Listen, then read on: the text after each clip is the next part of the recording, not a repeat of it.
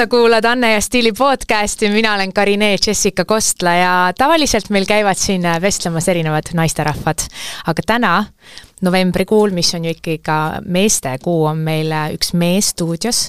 Ja see mees tähistab peagi oma kolmekümnendat juubelit, mis oli küll juba ära, aga see juubel saab tähistatud äh, suure kontserdiga Alexela kontserdisaalis. Ja enne, kui me sellest kõigest lähemalt räägime, siis äh, tere tulemast, laulja, dirigent, multiinstrumentalist Valter Soosalu!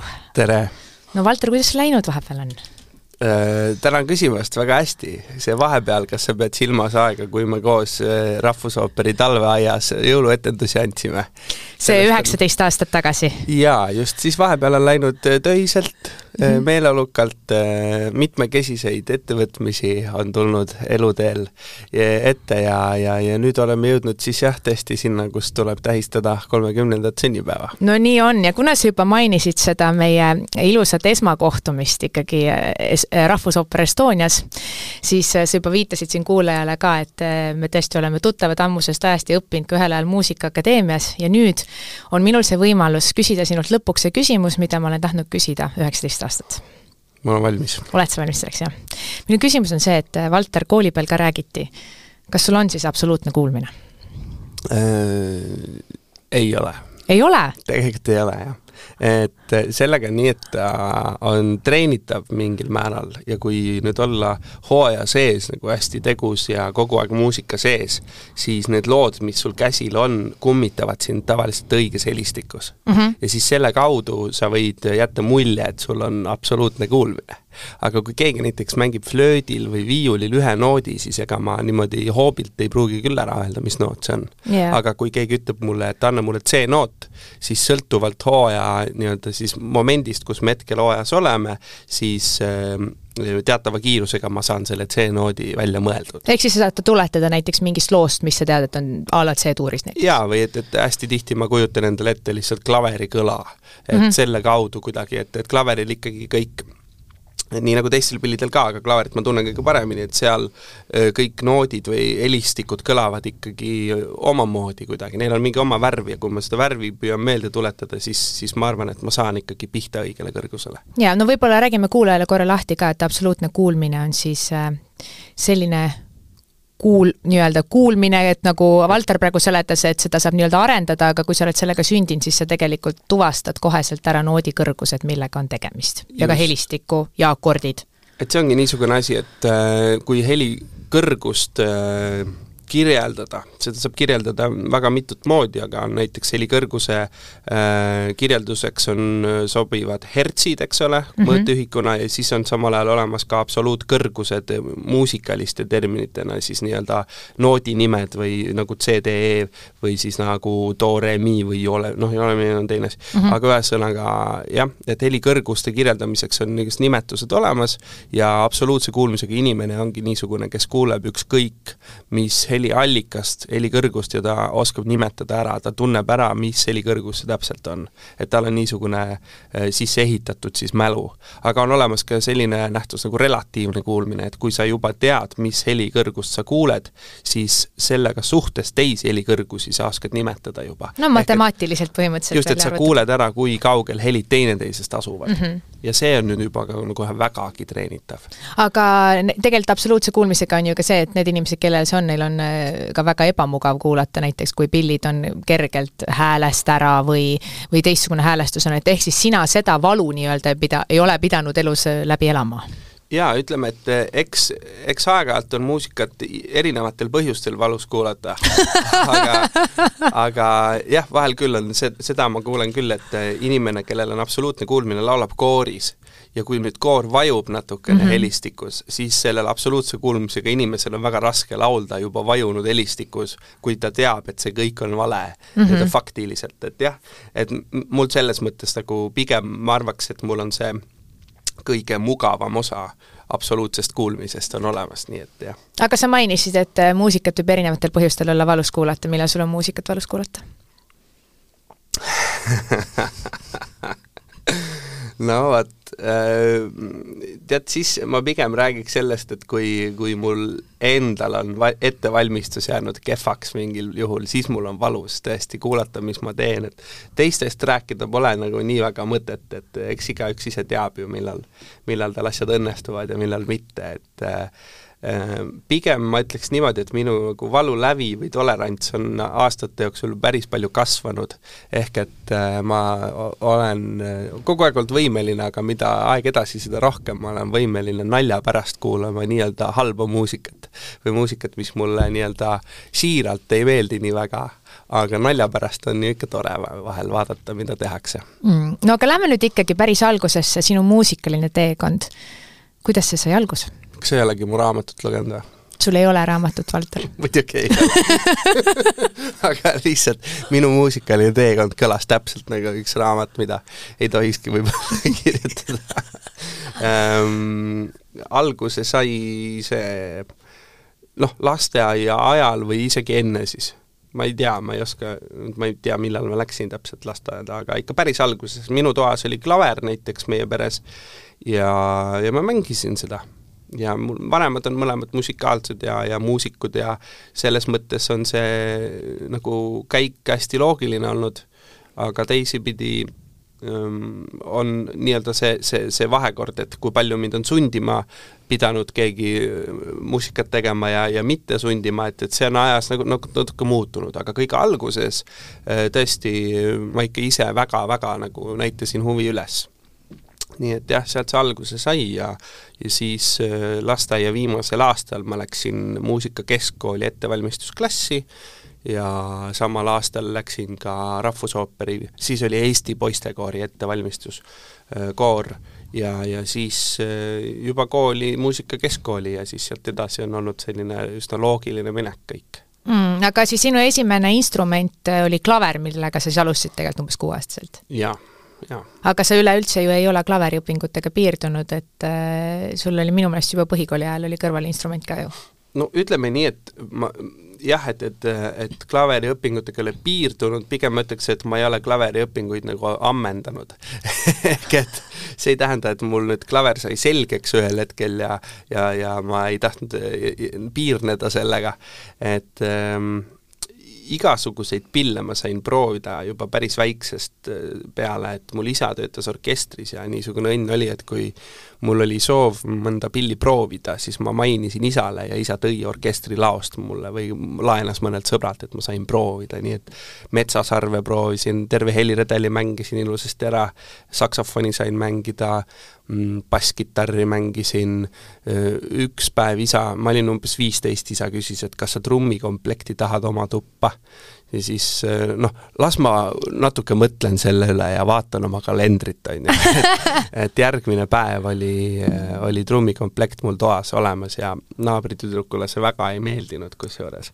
aga mm., aga olgu jah, et, et selles mõttes tõesti, et eh, erinevaid asju ma sain proovida väga varakult juba nagu, mis pillide nii-öelda tundmist puudutab ja, ja, ja siis ma arvan, et sealt see huvi on siiamaani säilinud uusi asju muusikas ka natuke proovida. aga gümnaasiumis äh, jõudis ju, sa gümnaasiumis alustasid äh, dirigeerimise õpinguid või varem? Ähm, kuskil gümnaasiumis, jah. ja aga tegelikult sa olid ju ka väga hea pianist ja käisid konkursidel ja kõik, et kuidas sa selle muutuse tegid, et, et minust ei saa pianist, ma nüüd hakkan hoopis juhatama? ma arvan, et mul tegelikult oli algusest peale sisimas selge see, et äh, ainult klassikalise muusikaga ma ei viitsi tegeleda. et ma ei kuula ise Chopini kodus mitte iial ja sellega on kohe selge, et mul pole põhjust ka enda elu sada protsenti siduda selle muusikaga, et koolis tuli teda õppida ja natuke võib-olla ehk liiga pikalt isegi, aga mul oli tunne, et, et kas mul on midagi viga või kuidagi, et kõik õpetajad räägivad, et see on kõige parem muusika ja minu jaoks ta ei olnud kunagi kõige parem muusika, et ähm, aga mis oli kõige parem muusika sinu jaoks? Mm,? Ma arvaks, et võib-olla uuem muusika, lihtsalt see, et muusika, mis on kirjutatud inimestele, kes praegu elus on et see kuidagi oli minu jaoks, mul oli lihtsam samastuda sellega mm. -hmm. ja teistpidi koorimuusika oli alati mulle nagu lähedane või kuidagi, et seal see võib-olla see muusika tegemise protsess teistega koos võib-olla sobis mulle ka rohkem. aga tõesti jah, et, et et see kuidagi arusaamine jõudis mulle suht vara kätte, aga ma ei osanud sellega midagi peale väga veel hakata ehk et mul paljud klassikaaslased ja koolikaaslased on palju varem teinud selle otsuse, et tõesti hakatagi tegema midagi niisugust, mida nad enda otsusena teevad, kuidagi mm -hmm. nii. aga no ütleme, et siis kuskil jah, teismelisena ma hakkasin ikkagi juba vähemalt bändi tegema. et see asi ei jäänud ainult äh, sinna maale, kuhu õppejõud või õpetajad tahtsid, et see jääks, et ikkagi päris oma niisugust kütet sai hakata andma juba kuskil seal, ma arvan, ma olin kolmteist, kui ma hakkasin bändi tegema, et siis nagu sealt maalt on ikkagi päris oma muusika ka olnud nagu alati olemas. aga siis, kui sa bändi hakkasid tegema, siis äh, suuresti suuremate poistega ja panite ju noorte bändigi kinni, kui minu andmed ei peta midagi nii, ei, päris kinni ei pannud, teise ah, koha okay. saime, seal ansambel Bed Wetters võitis. tervitused tervitused ansamblile Bed Wetters, aga aga jah, meie siis nende järel teise koha seal saime, mis oli alustuseks täitsa tore juba mm. -hmm. ütleme nii, et me saime ohtralt väga head tagasisidet ja me saime kohe esimese asjana selle tunde kätte, eh, mis tunne on äh, mängida muusikat inimestele, kellele see meeldib. ehk meie esimesed need kohe konkursi eelvoorud ja finaalid ja mul öö, jääb ilmselt alatiseks meelde see, kui pärast esimest eelvooru ehk esimene kord olla bändiga laval elus ja see kisa, mis sealt saalist tuli see kostis mu kõrvades veel äh, uinumise hetkel, sama öö. ja ma mõtlesin, et, et okei okay,, et see on tõesti midagi, üks asi on need detsibellid, et see oli nagu raju, kuidas ma hiljem ei ole niisugust asja kunagi kohanud, et et saalist võis tulla valjamat heli kui lava pealt rokkbändi kontserdil mm, -hmm. aga see tõesti oli kõrvulukustav ja see, kuidagi see kisa jäi kummitama ja see oli hästi huvitav moment.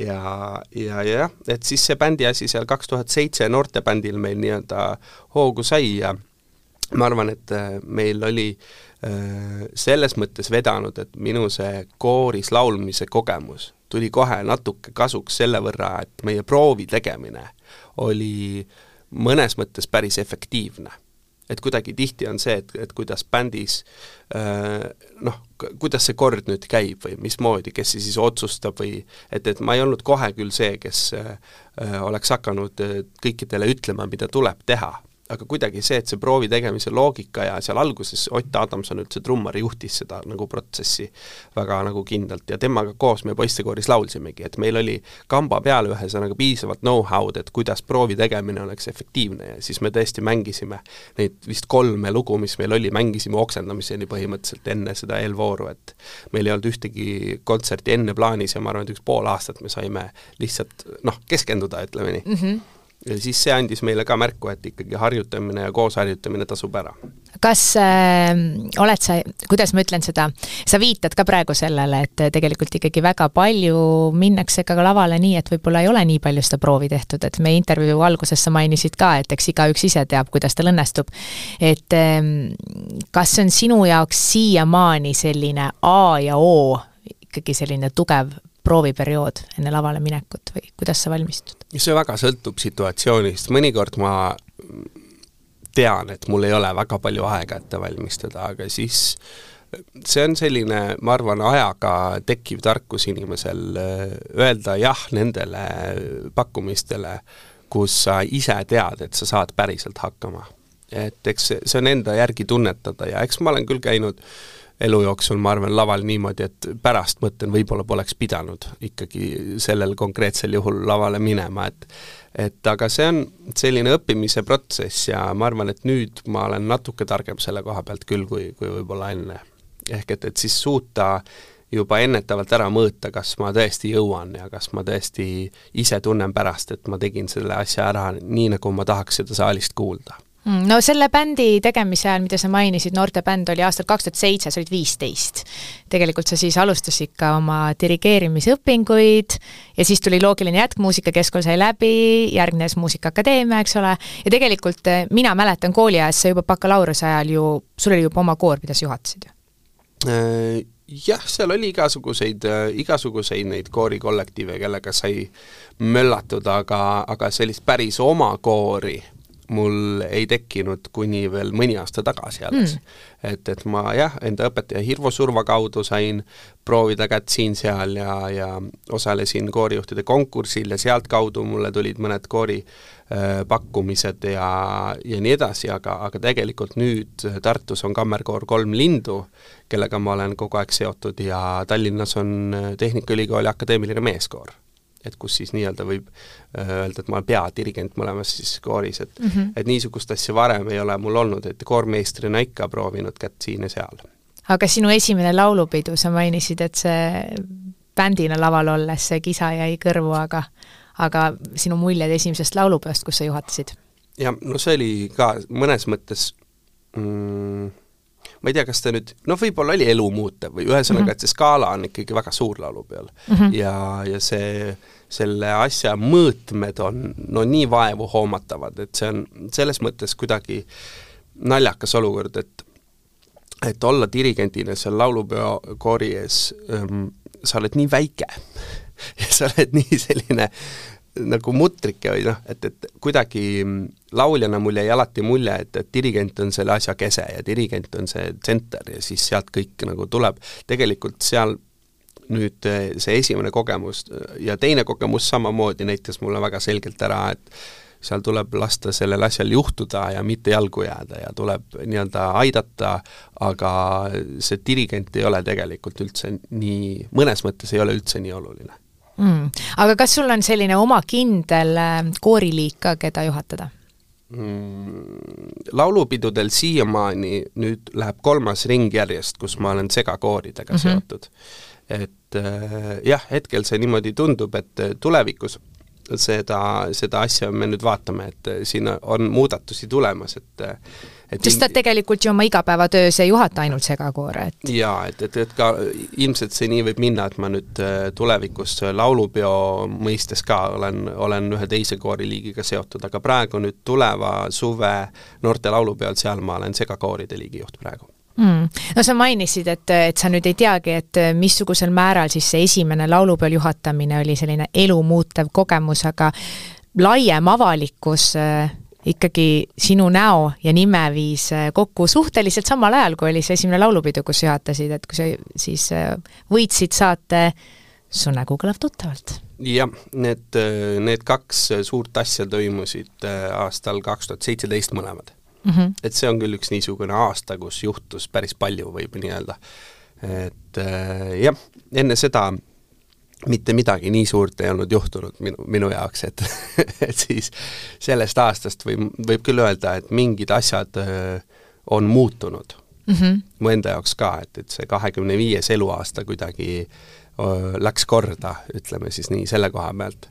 ja, ja see näosaade oli niisugune kogemus küll, mida ütleme nii, et ta tuli mulle ikkagi suure üllatusena ellu või et ma ei olnud arvestanud niisuguse asjaga, et ma lähen äh, lähen äh, siis televisiooni niimoodi kolli tegema, aga tuleb välja, et see oli ikkagi igas mõttes või peaaegu igas mõttes ikkagi väga hea kogemus. mõtlesid sa kaua, kui sulle see pakkumine tehti? ei mõelnud üldse kaua, ma ütlesin peaaegu kohe, et, et ei taha nii, ja siis kui kaua sind siis ümber üritati veenda? ega nemad ei veen-, ei tahtnudki veenda või tegelikult ma ei vastanud neile kohe ei mm, -hmm. aga ma olin enda sees otsustanud, et ma noh, mis mõttega ma sinna lähen, ma olen ikkagi akadeemias õpin, olen koorijuhtimise tudeng ja, ja teed tõsiseltvõetavat asja? teen tõsiseltvõetavat asja ja olen jube tõsiseltvõetav ja siis üks sõber ütles mulle, et äh, ma ju noh, küsisin nii-öelda kinnituseks üle, et, et kuule, ma ju ei lähe ometi. ja siis ta ütles, et loll oled, et sa jooksed sinna saatesse.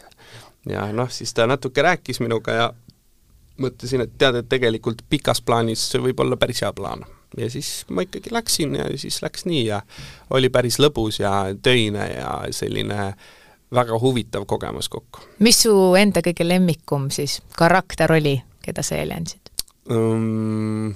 see on hea küsimus, seal on, ma arvan, paar niisugust karakterit, kes nagu mulle endale väga meelde jäid, et Volkonskit oli väga lõbus teha, sest see oli kõige ma arvaks, võib-olla kõige maskeeritum tegelane mm -hmm. minu jaoks, et ma nagu endale ka iseennast ei meenutanud üldse teistpidi ma mäletan, et Uku Suvistet tehes ma olin väga närvis, sellepärast et see oli kohati oligi väga keeruline lugu, mida laulda või et, et Ukut nagu järgi teha on selles mõttes raske, et ta ongi väga hea laulja.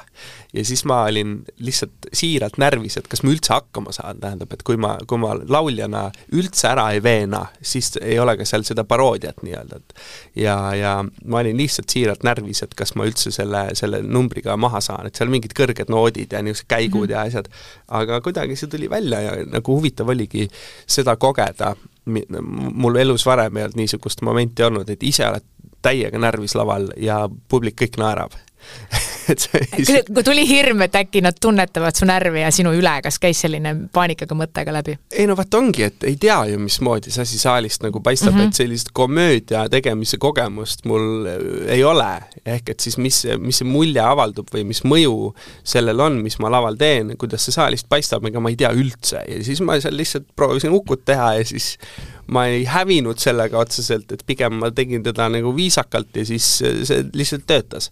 aga jah, see huvitav nagu kogemus sellest, et see suur närv ja, ja, ja publik on samal ajal väga lõõgastunud ja naerab, et see oli väga hea selline äh, kombo. kas Uku andis oma tagasisidet ka äh,?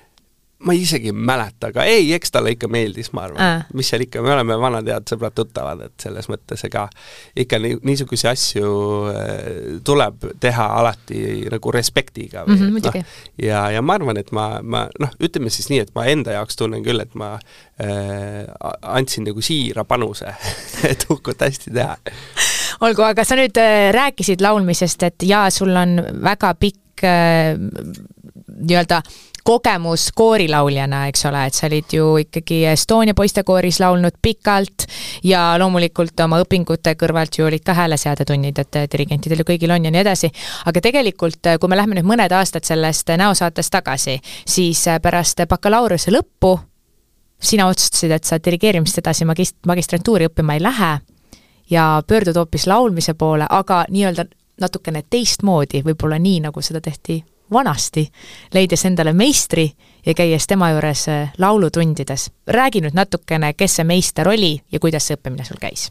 ahah, no see on selline mm, selline vahva lugu jah, kuidas üks äh, Itaalia maestro sattus Eestisse ja, ja, ja siis siin kohalik rahvas nii-öelda sai temaga tuttavaks ja hakkas tundides käima ja äh, ja mina siis nende hulgas, et dirigent Risto Joost oli see, kes, kes on ju ka laulja ja kes tema siis äh, ähm, hakkas nii-öelda seda Itaalia õpetaja kursust siin siis korraldama või aitama. ja, ja selline mees nagu Paolo de Napoli, kes on selline äh, pika ja, ja väga süvendatud Itaalia laulukogemusega mees, ja ta on mööda Euroopa riike ja mööda maailma tegelikult reisinud juba aastakümneid, andes mõne nädala või nädala kaupa siin-seal siis meistrikursusi ja tema õpilased siis on alati kas kohalikud või need, kes reisivad siis temaga kaasa mm. -hmm et seal, kus parasjagu aega on minna, siis sinna inimene sõidab ja võtab siis nädal aega laulutundi, et nii ma olen isegi käinud Itaalias mitmel pool ja ja Lätis ja Leedus tema laulutundides ja Tallinnas näiteks. Mm.. et niimoodi see oli ja aga noh, see, mis puudutab minu enda nii-öelda klassikalise laulmise tegevust, et see on äh, selline, kuidas öelda, et mul on suur lauluhuvi olnud, aga tegelikult ega see minu äh, lauluhääl ei ole tegelikult parim äh, sõiduk nalja teed või? ei, täitsa tõsiselt. et äh, kui rääkida näiteks ooperi rollidest, siis Aha. ma ei ole iial tundnud, et äh, ma saaksin hakkama aga äkki see on sinu enda selline suur kriitika, sa oled tenor ja väga hea tenor ja teadupärast tenoreid otsitakse niimoodi ja hoitakse niimoodi noh, nagu kullatükke? teate, ütlen ausalt, et äh, kooris ja ansamblis ja kõik võib täitsa nii ollagi, et, et, et minust on kasu, aga ikkagi solistina ooperilaval siis jääb ikka kõvasti puudu täitsa tõsiselt kohe, et seda noh, ma olen nii palju elus mõõtnud ja proovinud ja, ja katsetanud ja äh, pingutanud ja õppinud ja harjutanud, aga, aga see on lihtsalt niimoodi. ja mul selles mõttes ei ole sellest nagu hullu midagi, et ikkagi lauluhuvi endiselt on, ma endiselt püüan tasapisi areneda, aga mu näiteks hea sõber Heldur Harri Põlda kõrvalt juba ongi Rahvusooperi solist, juba ongi võimeline ja suuteline ja tahteline laulma juba ooperitenori pea peaosi mm, -hmm. siis äh, mul on lihtsalt hea meel, et on vähemalt keegi väga lähedalt, kes seda asja teebki ja mina saan väga stressivabalt saalist teda ka nautida, et ma olen selles mõttes väga rahul asjade tasakaaluga praegu. aga jah, ütleme nii, et see laulu huvi on olnud üks suuremaid huvisid mu elus tegelikult kokku, et see tundide arv, mis ma olen laulmisesse panustanud, tegelikult summa summarum on, on päris suur küll. aga jah, et, et see, et et ma selle itaallase juures käisin tükk aega, noh, ongi otseselt sellega seotud, see, et ta ühel hetkel läbi sai, on ka väga loogiline, et, et ega igasugune õpisuhe ühel hetkel võib katkeda, et lihtsalt kui ma tunnen, et enam ei ole mõtet või enam ei ole kasu või et, et, et siis on aeg edasi vaadata, aga eks see ongi, et tihtilugu sa võid ju loota ja planeerida ja siis tegelikkus on midagi hoopis muud või et, et, et see, mis sa oled arvanud, et juhtub, üldse ei juhtu, juhtub midagi võib-olla hoopis paremat või midagi teistsugust, mis sulle veel paremini sobib. aga millest siis väike Valter unistas? see on küll huvitav küsimus, jah et äh, ütleme, seda küsimust ma ei ole kunagi ise pidanud nagu endalt küsima, et kelleks ma saada tahan mm. -hmm. et ma algusest peale tegin muusikat ja ma lihtsalt siiamaani ei ole ära lõpetanud muusika tegemist, et ma teen siiamaani seda, et ses suhtes teatud mõttes ma arvan, et ma olen kogu aeg olnud nii-öelda kohal seal, kus ma olen, olen tahtnud jõuda. või Aha. kuidagi, et mul ei ole sellist kauget püüdmatut unistust selles mõttes olnudki, et mul oli klaver oma toas ja ma tahtsin seda mängida ja siis ma mängisin ja nüüd mul on siin igasuguseid asju, mida teha ja ma teen neid, et kuidagi selline mõnes mõttes lihtne, idee mõttes lihtne on olnud selle koha pealt küll, et, et äh, ma ei ole istunud ja nuputanud kelleks saada aga kas sa ei ole vahepeal tundnud seda, et, et sa oled kuskil niimoodi nagu segaduses, et, et mis see mina siis ikkagi on? Või oled sa tundnud survet, et sa justkui peaksid valima? Oi ikka, selles mõttes küll nüüd, et ütleme, mis ma enne rääkisin, see puudutab valdkonda, et muusika võiks olla see valdkond, võib-olla keskkooli lõppedes ma korra võtsin küll hetke, et mõelda üleüldse, et kas üldse muusika on see ja siis noh, nagu ikka, iga keskkooli lõpetaja korra mõtleb, et kas proovida lavakasse. ja kuna ma olin teatriga nagu varasemalt kokku puutunud, tundus ka huvitav mõte aga üsna ruttu ma sain ka aru sellest, et äh, ma teeksin seal põhimõtteliselt sama asja, nagu ma olen siiamaani teinud, lihtsalt vahenditega, mida mul üldse ei ole. ehk et mm -hmm. nüüd siis juba üle kümne aasta, olles muusikas äh, nii-öelda trennis käinud kogu aeg, et siis nüüd järsku need väljendusvahendid lihtsalt kõrvale jätta, ei ole üldse loogiline. Äh, ja, ja sellepärast siis see otsus tegelikult oli väga lihtne, et lihtsalt minna muusikaga edasi ja siiamaani ma olen kindel, et see oli õige otsus, aga nüüd eh, mis puudutab muusikavaldkonna siseselt, mida nüüd täpselt peaks tegema, siis see on olnud üks lakkamatu küsimus üsna algusest peale ja nüüd viimased kuskil viis aastat või natuke isegi rohkem ma olen kuidagi äh, olnud rahul sellega, et ma teen mitut asja mm. -hmm. ja et valida nüüd üks ja jätta kõik teised kõrvale, noh, see nähtavasti ei ole mulle lihtsalt sobinud et, et selle koha pealt äh, on jällegi ma arvan, üks mingisugune vastus vähemasti mõneks ajaks nagu, millele saab kindel olla.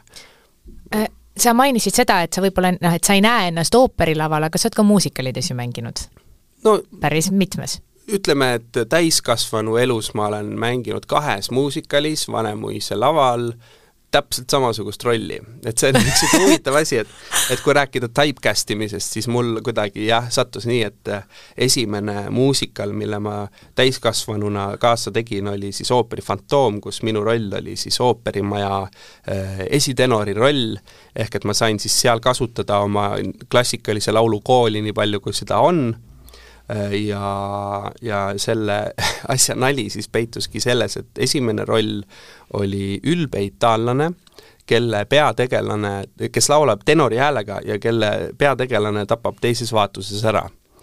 teine roll Vanemuise laval oli ülbe itaallane, kes laulab tenori häälega aga peategelane tapab ta juba esimeses vaatuses ära.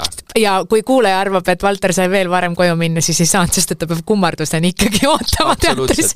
nii et ma seal jah, ja, ja kuna see, see Sweeney Todd on siis see teine äh, muusikal, kus oli siis mul äh,, oli, oli see teine roll, mis, mille eluiga oli lühem, seal oli see tapmine nagu võikam ja, ja verisem veel, et siis ma jah, pidin kohe minema pessu ja siis ma seal hängisin Vanemuises hommikumantlis kuni etenduse lõpuni et see oli selles mõttes tore lõõgastav töö. keskmiselt mugavam? jaa, ütleme nii, et see oli, see oli selles mõttes väga tore, aga aga jah, tõsi ta on, et, et seal Vanemuises kuidagi nii on läinud, et äh, avastati, et ma oskan ühte asja teha ja täpselt seda on ka tellitud. no selles mõttes, et sa tegelikult oskad ikkagi päris mitut asja teha, me siin räägime ka ja, ja kuna ma kõige algusest ka ütlesin, et sa oled multiinstrumentalist, et ja tõesti, sinu esimene pill oli klaver, vahepeal äh, oled sa mänginud, mis pille sa vahepeal oled veel äh, mänginud, mina tean saksofoni õpinguid ma ei tea. Äh, no Saksamaa ma proovisin kodus, ega ma tunnis ei ole kunagi käinud. No.. tead, sellega ongi nii, et see multi, multi äh, inimesed ja multitegijad on alati natuke selline, tead, et kogu pere kontsert, et igale pereliikmele mitte midagi. Et kuidagi kui sa noh, ikkagi võtad väga palju asju ette, siis on, on suur tõenäosus, et ega sa väga paljusid asju väga hästi ikka ei oska. no aga ka... kui ma ikkagi sulle kitarri panen kätte, siis tegelikult sa sellise neljatuurika ju mängid ära? no neljatuurika ikka mängib ära, ma arvan, aga, aga noh, see ongi nüüd, et mis mis äh, oskus nüüd on see neljatuurika mängimine, millega tulla podcast'i nüüd rääkima, rääkima. endast, eks ju mm. -hmm. et need on niisugused asjad, et ma arvan, et iga mees, kes on bändi teinud, tõmbab neljatuurika ära, eks ju mm, -hmm. selles mõttes ei ole erand ja ja kui ja... ma sulle panen ikkagi bassi kaela, siis sa mängid sellel ka ju ära noh jah, ja ma arvan, et äh, iga mees, kes bändi on teinud, mängib bassi veel rohkem kui neid neljatuurikaid, et aga noh, ei tea, ei oska nii öelda, et, et see on selline, ütleme nii, et ma ise ei ole kunagi öelnud, et ma oleks multiinstrumentalist, ses mm -hmm. mõttes, et ikkagi ähm, on mingi lävend ja sellest lävendist ma saan üle äh, heal juhul klahvpilliga ja mingil määral harpeedžiga, ma arvan. just, ja sellest harpeedžist rääkides, see on nüüd küll selline pill, mida ikkagi iga bändimees nüüd päris kindlasti ei mängi ja Eestis ei mängi seda pilli mitte keegi peale sinu, on mul õigus? Eestis on see pill ühel Miial Nii. ja ma ei ole veel kuulnud teda mängimas tegelikult okay., aga, aga rohkem jah, andmeid ei ole. tähendab, andmed on, et rohkem neid pille ei ole mm. -hmm. et Eestis on kolm arpeegit, kaks on minu omad ja üks on Miia oma.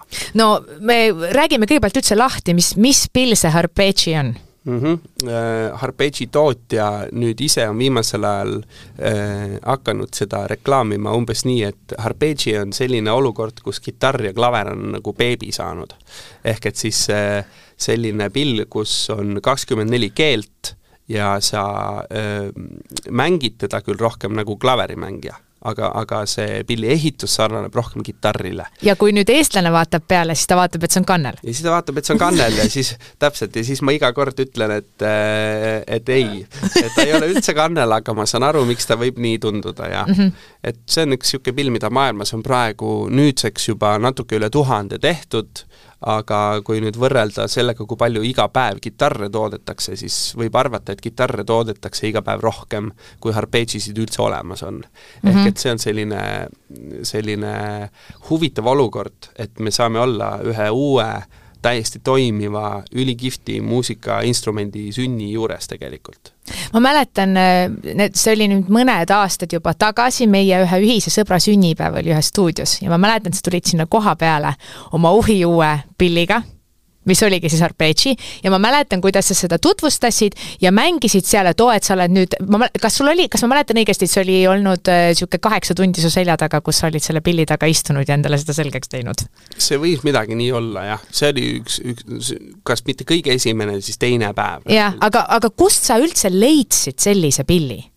Äh, see tuli mulle Youtube'is vastu nagu related video mingi, mingi, mingi asjaga seoses, et ma vaatasin võib-olla Stevie Wonderi asju või kuidagi nii, aga et see link minuni jõudis, ma vaatasin ja ei suutnud uskuda, et ma ei teadnud, et niisugune asi olemas on. et tundub kuidagi nagu nii loogiline samal ajal ja teisipidi sekund tagasi ma ei teadnud sellest mitte midagi. ja siis ma hakkasin vaatama ja ja ma arvan, et väga lühikese aja jooksul ma vaatasin kõik videod ära, mis sellest okay. üldse olemas oli, mida ei olnud selles mõttes üldse vähe, et kui sa hakkad järjest vaatama, siis see on ikkagi korralik ajaühik, aga teisipidi jällegi mängijaid on maailmas nii vähe, eestlastest vaatasin Facebookis, oli neid jälgimas üks sõber, keda ma teadsin, kes oli Tõnu Kõrvits, et tema mm. teadis, et see pill on olemas, rohkem inimesi äh, minu tutvusringkonnas ei olnud elus kuulnud sellest pillist no ma tean, et sa tulid siin äh, veidi aega tagasi Ameerikast ja just nimelt tegelikult nendel Harbeigi teemadel. mis sa teed seal Ameerikas selle Harbegiga äh,? mängin räägi nüüd lähemalt, see on põnev lugu jaa et üsna algusest peale, kui ma Harpegit hakkasin mängima, ma postitasin mõned videod ka üles oma mängimisest ja Harpegi tootja kirjutas mulle, et lahedad videod, et kui sa neid veel teed, et siis noh, teeme mingit koostööd, ühesõnaga. ja, ja see oli päris lahe mõte ja, ja kohe algusest peale meil on olnud selline soe suhtlus ja oleme saanud sõpradeks ja kohe päris headeks sõpradeks, et vahetult enne seda, kui hakkasid asjad kinni minema siin aastal kaks tuhat kakskümmend, ma veel jõudsin neile külla.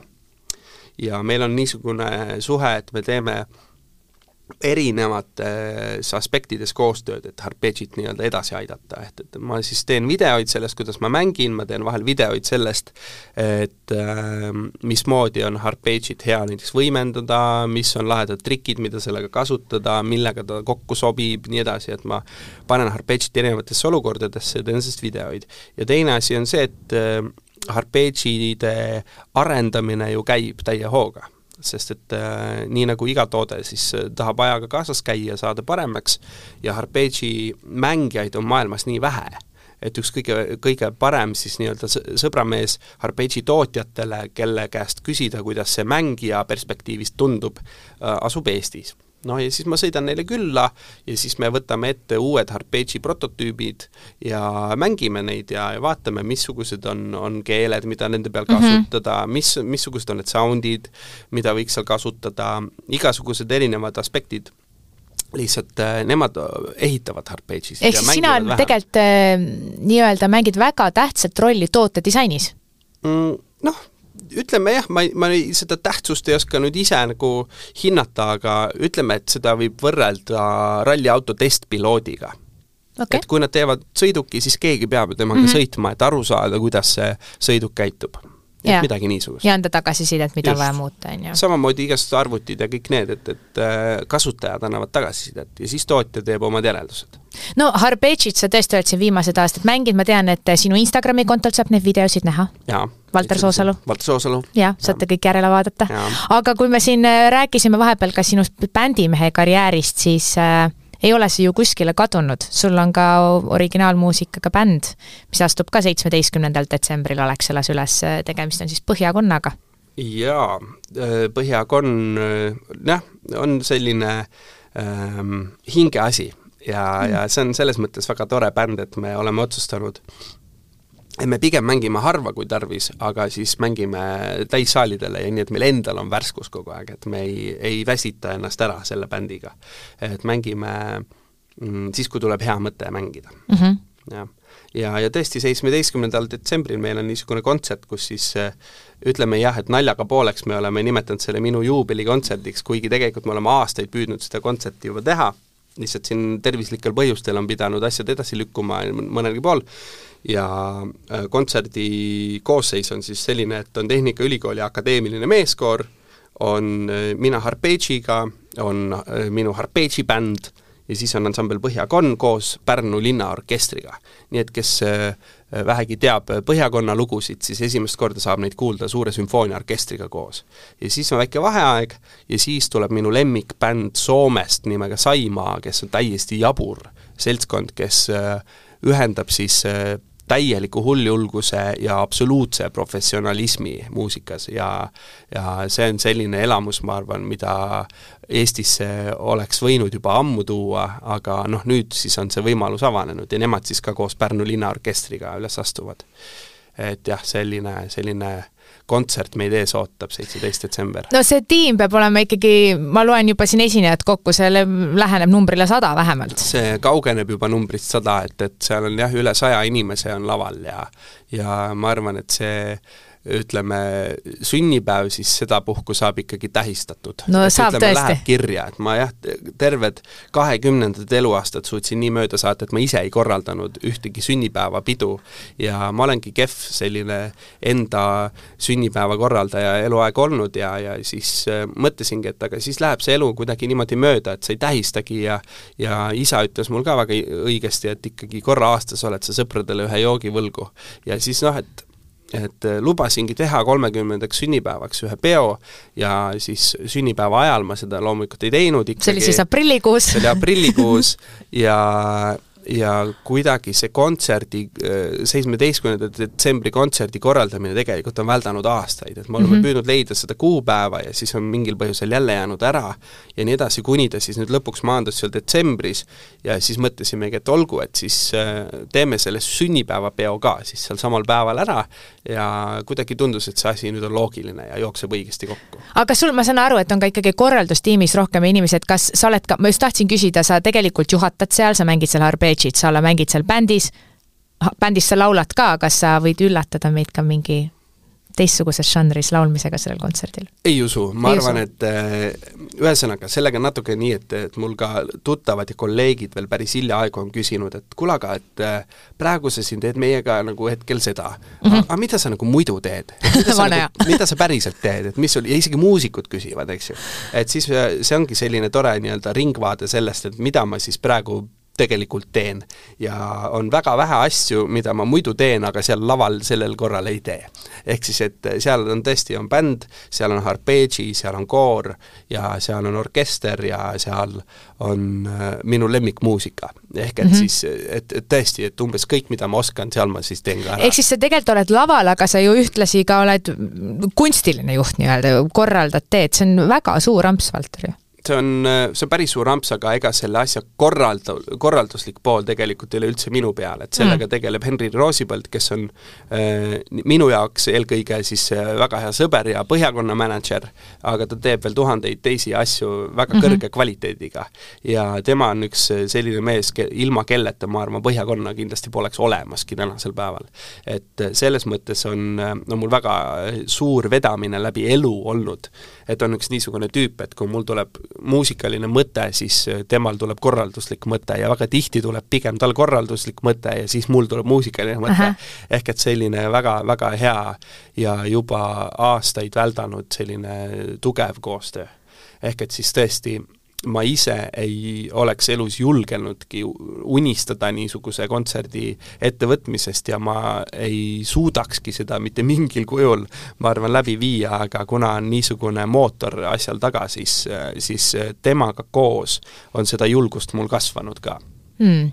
no sa ütlesid, et sa ei oleks isegi julgenud sellisest kontserdist unistada, aga see unistus saab nüüd teoks mm, isegi kui ta ei olnud enne sinu unistus, sest et sa ei julgenud unistada sellest. seitseteist detsember, aga, aga mis saab edasi, millest sa edasi unistad mm,? no vot ongi, et ega see unistamine on niisugune vajalik tegevus ja, ja minu õnn on olnud alati see, et ma saan lihtsalt kohe hakata tegema neid asju, millest ma unistan või kuidagi, et et, et kuna muusika tegemises ei ole minu jaoks olnud kunagi midagi eh, nagu kättesaamatut, et, et isegi kui, kui see kvaliteet, mida ma sooviksin, või see tase, kuhu ma tahaksin jõuda, mõnes mõttes, et see võib kaugel asuda, siis teekond selleni on mul kohe siinsamas võtta, et, et hakka siis harjutama või hakka siis kuskile nüüd minema. su mentaliteet vist on ka natukene selline pigem, et kui sa ikkagi, mingi asi pakub sul huvi, siis sa hakkadki harjutama, siis sa tellidki selle arpeggi ja sa teedki kaheksa tundi teda endale selgeks, et ta ei jää nagu ainult jutuks, või mm.?